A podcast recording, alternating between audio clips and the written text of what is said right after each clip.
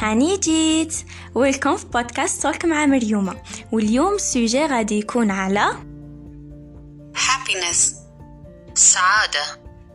Felicidade, sreća 快乐 glæde glück. افتخار على happiness ولا السعادة. إنني أؤمن عن يقين أن سعادتنا تبدأ داخلنا وأن السعادة في العطاء ربما تفوق السعادة عما يعطيه الآخرون لنا.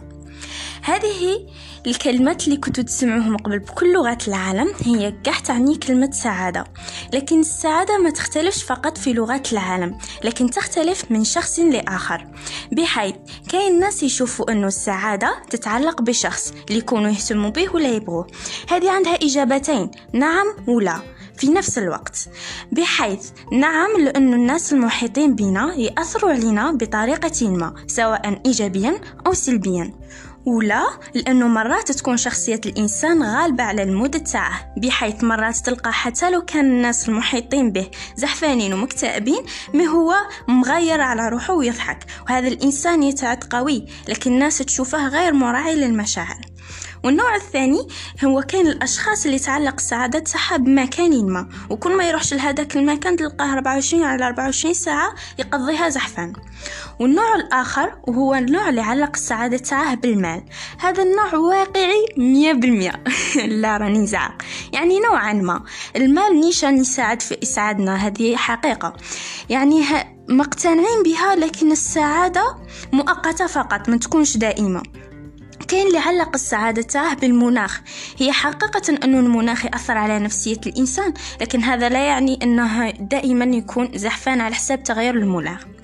ويعني أن الإنسان دائما يعلق السعادة تاعه بأشياء أخرى خارج ذاته خارج نفسه خارج الحيز تاعه الخاص به خارج الأشياء اللي يملكهم لنفسه فقط أشياء اللي ما يتغيروش في حياته.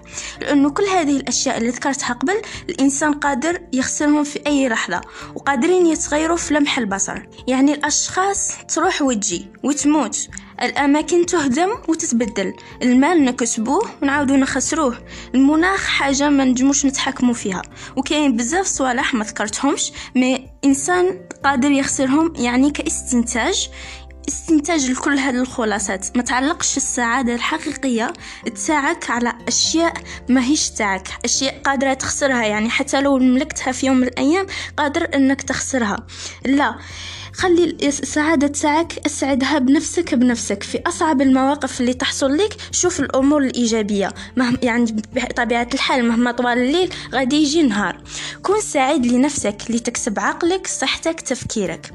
وفي كل هذه الكلمة غادي نختصرها بجملة. كل صباح أخبر قلبك أنه يستحق الفرح. وشكرا. نتلاقوا في بودكاست عن نهار السبت إن شاء الله.